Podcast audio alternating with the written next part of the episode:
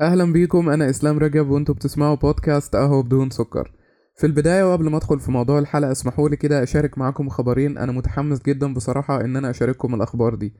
الخبر الأول يمكن البعض خمنه كده وهو إني اشتريت مايك ودي حاجة يمكن لاحظتوها في آخر كام حلقة وجودة الصوت كانت مش مستقرة وده لأني بحاول أطلع أفضل جودة من المايك. فسامحونا كده لو جودة الصوت مش مستقرة آخر كام حلقة لأني بحاول أظبط بصراحة وأطلع منه أفضل جودة ممكنة. الخبر التاني بقى ودي حاجة أنا ما كنتش متوقعها وعرفتها أصلا بالصدفة البحتة وأنا بقلب كده وب scroll على الإنترنت إن البودكاست بتاعنا هو مصنف من أفضل عشرة بودكاست على مستوى مصر. ده بحسب طبعا إحصائية من سبوتيفاي وبحسب موقع صدى البلد. بالصدفة كده البحتة عرفت إن موقع صدى البلد منزل مقالة فيها أعلى قوائم البودكاست واتفاجأت بصراحة إن بودكاست قهوة بدون سكر من أعلى قوائم البودكاست في مصر. ممكن أسيب لكم رابط المقالة في الوصف علشان اللي حابب يطلع عليها. بصراحة مش حابب إن أنا أخوض في موضوع الحلقة قبل ما أشكركم وأكون ممتن ليكم لأن حاجة زي كده حصلت بعد فضل ربنا طبعا سبحانه وتعالى بسببكم أنتم. أنتم اللي وصلتوا البودكاست بفضل ترشيحاتكم بفضل تقييماتكم بفضل الكومنت الإيجابية بفضل إن أنتوا بتسمعوا الحلقات بشكل مستمر. فدي حاجة أنا عمري ما كنت بصراحة متخيل إن أنا ممكن اوصلها في يوم من الأيام بل بالعكس أنا كنت دايما شايف إن البودكاست متواضع جدا مش بيقدم القيمة اللي الناس متوقعاها مش بيقدم حاجة قوية جدا لدرجة إن أنا كنت بحاول دايما باستمرار إن أنا أطور وأحسن من المحتوى علشان يليق بكل الناس اللي بتسمع. فحقيقي شكرا ليكم أنا ممتن جدا ليكم وكلمة شكر أصلا قليلة جدا في حقكم كلكم. أما بالنسبة لموضوع المايك فدي حاجة أنا كنت متحمس بصراحة إن أنا أشاركها لأن كل الحلقات اللي فاتت على مدار مش عارف سنة تقريبا أو سنة ونص أو سنتين يعني مش عارف المدة تقريبا بدأنا إمتى البودكاست بس على مدار المدة دي كلها وما يقارب من 150 حلقة بودكاست كانوا متسجلين أصلا عن طريق الموبايل الخاص بيا. ما كانش فيه مايك ما كانش فيه معدات ما كانش فيه أي حاجة. دلوقتي أصبح عندنا مايك أصبح عندنا معدات فالحمد لله برضو حاجة زي كده بعد فضل ربنا سبحانه وتعالى بفضلكم أنتم ثم دعمكم ثم كلامكم الإيجابي. فشكرا ليكم جدا وآسف طبعا على الإطالة والمقدمة الطويلة دي. وخلينا بقى ندخل في موضوع الحلقة على طول. كنت منزل حلقة كده وبسأل فيها بصراحة يعني إيه المواضيع اللي تحبوا إن أنا أتكلم عنها يعني. كان الموضوع الأول إيه العادات اللي بيعملوها الناس الناجحة والحمد لله قدرنا إن إحنا نغطي الحلقة دي. كان الموضوع التاني بقى إزاي نتغير أو إزاي نتغير بشكل جذري. حاجة زي كده بصراحة برضو شاركتها في بعض الحلقات وكنت بتكلم دايما عن التغيير. بس مفيش مشكلة إن إحنا نتكلم النهاردة عن الموضوع من منظور مختلف. خلينا بقى نبدأ في الموضوع ويلا هات مشروبك الجميل علشان نبدأ مع بعض. أول حاجة لازم يكون في دوافع أصلا للتغيير الجذري علشان يبقى في تغيير جذري في حياتك لازم يكون في دافع قوي أصلا بيحركك علشان تتغير. محدش بيتغير لمجرد إن هو عايز يتغير كده وخلاص لازم يكون في دافع قوي ورغبة أصلا إن الشخص ده عايز يحسن من حياته. بس هو مش عايز يحسن من حياته بدافع إن هو ما عندوش رضا تجاه حياته في الوقت الحالي. بل بالعكس هو عنده رضا وعنده قبول لحياته بس هو بيطمح للأحسن عنده شغف تجاه الأفضل والأحسن. فبالتالي هو عنده رغبة كده وعنده دوافع والدوافع دي بتختلف من شخص للتاني. يعني الدوافع بتاعتي أنا غير الدوافع بتاعت شخص تاني غير الدوافع بتاعت شخص تالت. مش لازم نكون مشتركين في الدوافع. فكل واحد له أسبابه للتغيير كل واحد عنده الدوافع الخاصة بيه. فلازم أولا كده تحدد الدوافع اللي عندك هو أنت عايز تتغير ليه؟ أنا ليه عايز أتغير وعايز أطور من حياتي؟ وده ينقلنا لتاني حاجة وهي السعي ورا الأحلام أو السعي ورا الأفضل والأحسن. دايما كده الشخص اللي بيتغير واللي عنده طموح أصلا إنه يتغير للأفضل والأحسن هو عنده كده رغبة قوية جدا إن هو عنده هدف قوي عنده حلم كده نفسه إن هو يوصله فبالتالي هو ده مسار حياته إن هو عايز يوصل للحلم ده عايز يوصل للهدف ده عايز يوصل للتغيير الجذري ده. فالتغيير الجذري لابد إنه يكون هدف في المقام الأول علشان تقدر إن أنت تعمله. التغيير مش بيجي من يوم أو من يومين أو من ليلة أو كل الكلام ده خالص.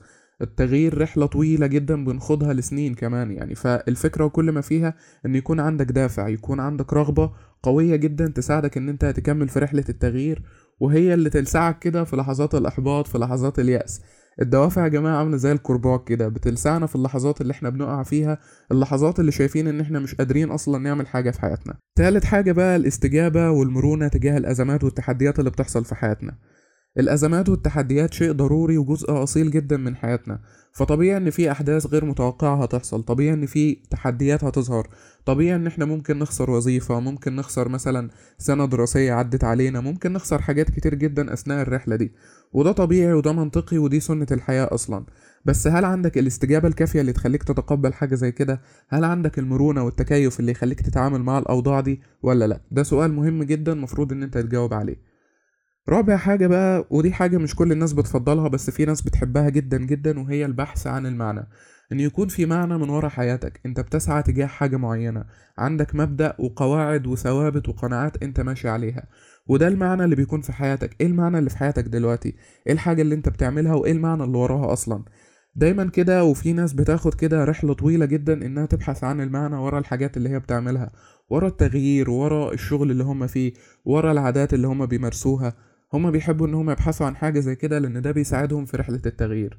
فلازم الأربع عوامل دول يكونوا متوفرين أصلا ودول يعتبروا كلهم كده كباكج على بعض كده عوامل ودوافع أصلا للتغيير الجذري.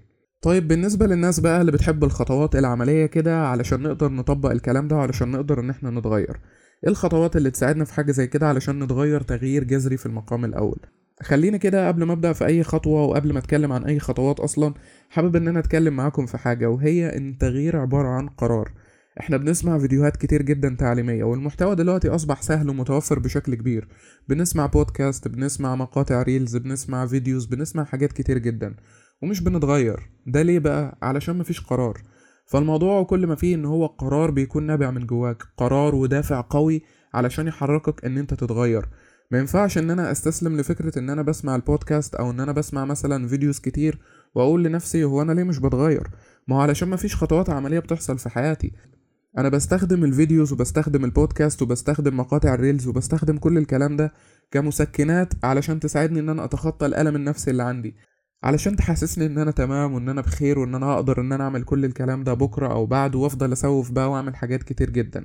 من الآخر بستخدمها كده كمسكنات للألم النفسي اللي جوايا علشان أقدر إن أنا أطلع من الفجوة النفسية اللي أنا موجود فيها دلوقتي. فلو الموضوع بالنسبة لك مش مجرد قرار ومفيش دوافع فلازم تراجع نفسك كويس جدا. لازم تحدد الدوافع لازم يكون في قرار نابع من جواك علشان تتغير تغيير جذري. خلينا بقى ندخل في الخطوات وأول خطوة وهي تحديد أنت عايز إيه أصلا من التغيير ده. يعني من خلال التغيير اللي انت عايز تعمله في حياتك انت عايز تتغير لإيه؟ إيه الجوانب اللي في حياتك اللي انت حابب إن انت تغيرها؟ هل الجوانب دي فعلا محتاجة إنها تتغير؟ وإيه الدافع أصلا اللي مخليك عايز تتغير؟ ليه عايز تغير الجوانب دي في حياتك؟ ليه عايز تتطور؟ ليه عايز توصل للهدف ده؟ اسأل نفسك ليه كتير كده لحد ما تلاقي إجابة منطقية إجابة واقعية توصلك للدافع أصلا اللي أنت عايزه. تاني حاجة بقى إن يكون قصادك كده هدف مرسوم أنت عايز توصله ويا ريت الهدف ده يكون مربوط بالدافع علشان تقدر إن أنت تحققه وعلشان تقدر إن أنت توصله ويا ريت كمان ومن الأفضل إن الهدف ده يكون واقعي. الهدف ده يكون محدد بمدة زمنية معينة علشان تقدر ان انت توصله وعلشان تقدر كمان تحققه. تالت حاجة بقى ودي حاجة بديهية جدا طالما قلنا تحديد أهداف يبقى أكيد لازم يكون في خطة طبعا. دي حاجة بديهية عرفناها في قهوة بدون سكر فلازم. طالما في تحديد هدف يبقى لازم يكون في خطة. الخطة عاملة زي المسار كده اللي انت بتمشي عليه. في مسار أنا بتتبعه أنا عارف ماشي إزاي أنا عارف هوصل لإيه عندي مرونة وعندي تكيف ودي حاجة هنتكلم عنها علشان أقدر إن أنا أتقبل التحديات أقدر إن أنا أتقبل الظروف الصعبة اللي بتعدي عليا. رابع حاجة بقى وهي التعامل مع التحديات والعقبات اللي هتواجهني. ده طبعا حاجة لابد منها إنها هتحصل. لازم هيحصل أزمات لازم هيحصل تحديات لازم هتحصل حاجات كتير جدا علشان تعرقلك. بس بدورك بقى إن أنت تبقى عامل حساب كل ده من البداية. أنا مش بقول إن أنت تكون عارف إيه اللي هيحصل بس على الأقل يبقى عندك توقعات كده إن الدنيا مش هتبقى ماشية زي ما أنت عايز بالظبط. لازم في حاجة كده هتطلع لك تبوظ كل حاجة أنت بتعملها. فخلي عندك توقع لحاجة زي كده لأن التوقعات هتساعدك إن أنت تتعامل معاها بشكل مظبوط. خامس خطوة بقى وهي الصبر. حاول إن أنت كده تصبر. يعني في الحلقة اللي فاتت لو كنت سمعتها كنا بنتكلم إن إحنا مش لازم نكون ماشيين في رتم سريع أو إن إحنا عايزين نتائج فورية لكل حاجة بنبدأ فيها. ده ضد التغيير تماما وده ضد مبدأ أصلا التغيير. علشان تتغير فانت محتاج صبر محتاج ان انت تزرع محتاج ان انت تصبر صبر طويل جدا علشان تحصد النتائج. مفيش حاجة بتيجي من يوم وليلة مفيش حاجة هتيجي من شهر مفيش حاجة هتيجي كده من شهرين لو إحنا بنتكلم عن تغيير جذري. التغيير الجذري محتاج وقت طويل جدا محتاج تجارب محتاج ان انت تعمل خطوات محتاج ان انت تحدد اهداف محتاج خطة مرسومة محتاج عوامل كتير توفرها في نفسك علشان تقدر توصل للتغيير الجذري اللي انت محتاج تعمله في حياتك. سادس حاجة بقى والأخيرة وهي التكيف. التكيف بقى مع الظروف والتغييرات اللي هتحصل في حياتك. حياتك مش هتبقى ماشية زي ما انت عايز. في معرقلات في عقبات في تحديات هتظهر في أزمات نفسية هتقع فيها. بدورك بقى إن انت تكون متوقع إن حاجة زي كده هتحصل. زي ما أنا قلت مش لازم تتوقع الحدث بس على الأقل تكون متوقع إن في أزمة هتحصل في حياتك. إن مش كل حاجة هتمشي زي ما انت عايز بالظبط. فده هيساعدك على التكيف ده هيساعدك على المرونة ده هيساعدك على التقبل إن أنت تتقبل كل حاجة وخطتك تكون مرنة كده اللي هي بتتغير على حسب الدنيا ماشية إزاي. اللي هو مثلا الحاجات دي أنا مش هعرف إن أنا أطبقها في الوقت الحالي هروح أشوف بديل على طول. الحاجة دي مثلا في الوقت الحالي أنا هقدر أطبقها بس في حاجة تانية مش هقدر أعملها. بالتأكيد هروح أعمل الحاجة اللي مطلوبة مني وبعد كده أبقى أشوف بديل للحاجة التانية. وهكذا بقى بتفضل تعمل تعديلات وتقيم وتعدل لحد ما توصل للنتيجة اللي أنت محتاجها في النهاية. دول كانوا بصراحة مجموعة من الخطوات اللي ممكن تساعدك على التغيير الجذري بس ما تنساش أهم خطوة فيهم وهي الدافع والقرار. لازم يكون في دافع جواك إن أنت تتغير لازم يكون عندك قرار من جواك إن أنت حابب أصلا إن أنت تتغير. مش هتتغير لمجرد إن أنت سمعت بودكاست مش هتتغير لمجرد إن أنت شفت فيديو. دي عوامل مساعدة بتساعدك كده وبتوفر لك بعض الأدوات اللي تساعدك على التغيير. لكن التغيير نفسه هو قرار بيكون نابع منك أنت ومن جواك في المقام الأول.